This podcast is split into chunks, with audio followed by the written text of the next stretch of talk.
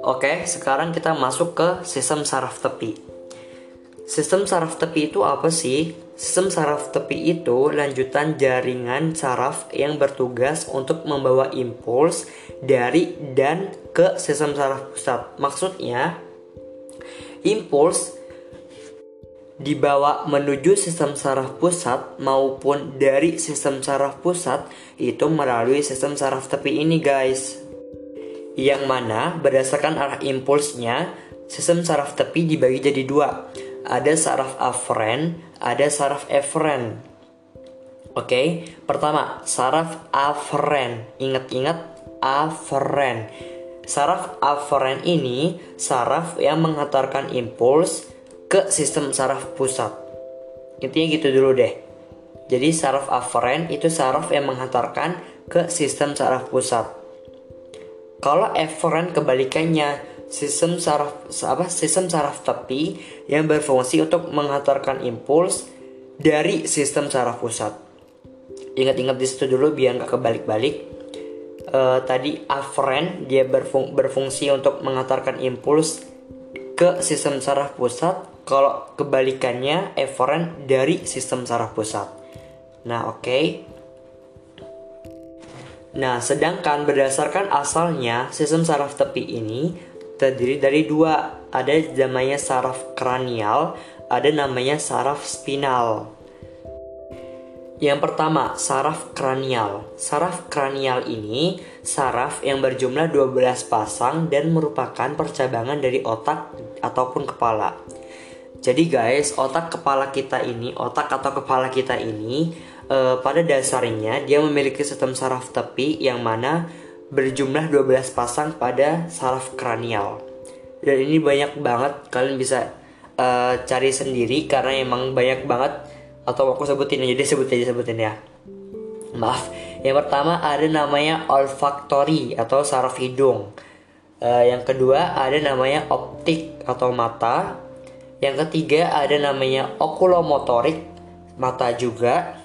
E, beda dia di mana? Kalau yang optik dia itu tidak memiliki saraf motorik, hanya memiliki saraf sensorik yaitu retina.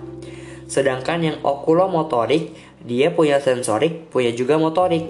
Sensoriknya dia otot rectus dan obliques inferior mata, sedangkan saraf motoriknya otot rectus dan obliques inferior mata, badan siliaris, serta iris. Yang keempat ada troklear, bagian mata juga bedanya dia saraf sensoriknya itu otot oblik superior mata. Kalau yang tadi inferior, kalau yang ini superior. Nah, saraf motoriknya itu otot otot penggerak mata lainnya. Oke, yang kelima, saraf kranial yang kelima ada namanya trigeminal. Itu dari daerah wajah. Itu saraf sensorik yang uh, bagian uh, saraf sensoriknya itu bagian kulit wajah, rahang, gigi, kelenjar air mata. Sedangkan saraf motoriknya itu otot pengunyah. Oke. Okay. Saraf kranial yang keenam ada namanya abdusen atau mata, eh abdusen bagian mata, maaf. Dia itu saraf sensoriknya otot rectus eksternal mata, sedangkan saraf motoriknya itu otot penggerak mata lainnya, sama kayak si troklear. Oke. Okay. Yang ketujuh ada namanya fasial. Ini otot uh, saraf kranial bagian daerah wajah. Maaf bukan otot ya. Saraf kranial bagian daerah wajah yang mana saraf sensoriknya itu adalah pengecap di ujung lidah, otot wajah, bibir dan juga kelopak mata. Sedangkan saraf motoriknya di otot wajah, kelenjar ludah, kelenjar air mata. Oke, yang kedelapan ada namanya auditory atau vestibulococlear dia itu berperan sebagai saraf kranialnya pendengaran yang mana saraf sensornya itu adalah koklea dan saluran semisirkular telinga sedangkan dia tidak memiliki saraf motorik. Oke. Okay. Yang kesembilan ada glosopharyngeal atau pengecap dan e, pencernaan jadi saraf kranial pengecap dan pencernaan yang mana saraf sensoriknya itu berupa pengecap di lidah belakang dan saraf motoriknya berupa kelenjar ludah dan juga otot penelan penal penelan. Maaf ya Allah. Otot penelan di laring ngomong penelan susah banget. Nah yang ke 10 ada saraf kranial vagus yaitu bagian organ visceral yang mana saraf sensorik itu contohnya saraf organ dalam, paru-paru, aorta, laring, lambung juga saraf sensoriknya si vagus. Sedangkan saraf motoriknya itu berupa saraf parasimpatik jantung, usus, kerongkongan dan juga laring. Oke.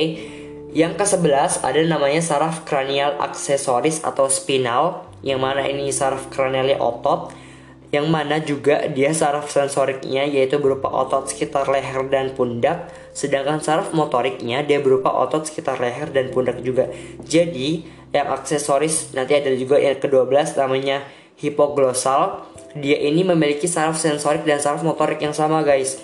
Karena karena mereka ini otot kan? Jadi ya sensorik motoriknya tetap mereka mereka juga. Kalau yang aksesoris atau spinal tadi sensorik sama motoriknya itu sekitar leher dan pundak uh, yang hipoglosal ini saraf kranial ke-12 ini sensorik dan motoriknya ini berupa otot lidah. Seperti itu. Oke kita masuk ke bagian uh, sistem saraf tepi yang kedua berdasarkan asalnya yaitu saraf spinal saraf spinal ini saraf yang berjumlah 31 pasang dan merupakan percabangan dari sumsum -sum tulang belakang dan campuran saraf sensorik dan motorik. Jadi bedakan ya, kalau yang kranial tadi cuma 12 pasang, sekarang yang spinal ada 31 pasang. Wow, banyak banget kan? Ada apa aja tuh? Yang pertama, saraf leher. Dia terdiri, terdiri dari 8 pasang. Yang kedua, saraf punggung ada 12 pasang. Yang ketiga, saraf pinggang ada 5 pasang. Yang keempat, saraf pinggul ada 5 pasang.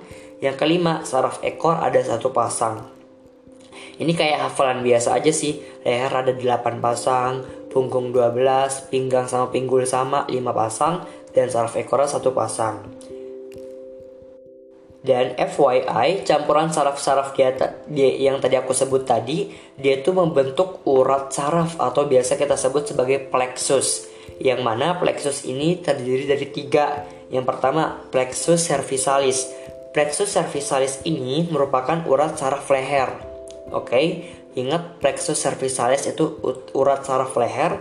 Yang kedua ada plexus branchialis yaitu urat saraf lengan atas. Dan yang ketiga ada plexus lumbosacralis yaitu urat saraf punggung dan pinggang. Oke, sekarang kita masuk ke pembagian sistem saraf tepi berdasarkan fungsinya. Kalau tadi berdasarkan asalnya yaitu cranial spinal, sekarang berdasarkan fungsinya. Berdasarkan fungsinya, sistem saraf tepi ini terdiri dari dua guys. Ada namanya saraf somatik atau saraf sadar, ada juga namanya saraf otonom atau saraf tidak sadar. Kenapa disebut demikian? Ya karena dia bekerja secara sadar dan juga bekerja secara tidak sadar. Nah, yang pertama, saraf somatik atau saraf yang bekerja secara sadar itu saraf yang menghantarkan impuls sampai ke efektor berupa otot rangka jadi otot rangka itu kenapa disebut otot sadar ya karena dia bekerja secara saraf oto, saraf somatik, maaf. Yang kedua ada namanya saraf otonom, saraf tidak sadar, yaitu saraf yang menghantarkan impuls sampai ke efektor berupa otot polos, otot jantung dan juga kelenjar. Jadi, ya sebagaimana yang kita pelajari pas SMA bahwa saraf otonom itu eh, maaf uh, otot polos, otot jantung itu termasuk otot tidak bekerja secara tidak sadar karena dia bekerja dengan saraf otonom gitu. Oh iya, FYI, sifat kerja dari saraf otonom ini terdiri dari sistem saraf simpatik dan saraf parasimpatik yang bersifat antagonis. Maksudnya tuh gimana? Maksudnya jadi uh, simpatik dan parasimpatik ini berlawanan guys. Contoh deh, aku kasih aku kasih contoh kecil uh, saraf simpatik itu memperkecil pupil, sedangkan parasimpatik memperlebar pupil. Terus saraf simpatik itu mempercepat denyut jantung, sedangkan parasimpatik itu memperlambat denyut jantung. Terus contohnya lagi, saraf simpatik itu memperlebar bronkus, sedangkan parasimpatik itu memperkecil bronkus. Dan hal-hal yang dipengaruhi lainnya oleh saraf kedua ini bersifat antagonis intinya. Oke? Okay? Oke, demikianlah bagian-bagian dari sistem saraf tepi. Bener-bener sesimpel itu. Kalau sistem saraf tepi sih banyaknya itu uh, apa agak ribet ngafalinya itu di sistem saraf uh, kranial. Tapi itu kayak nggak wajib juga dia sih soalnya kemarin aku masuk TDK juga nggak nemu soal kayak gini. Oke, semoga apa yang tadi udah kita pelajarin bisa bermanfaat buat kalian. Uh, semangat terus kalian belajarnya. Dengar-dengar udah H-60-an ya. Semangat, pasti kalian bisa lulus di PTN yang kalian impikan. Semangat guys, usaha tidak akan mengkhianati hasil.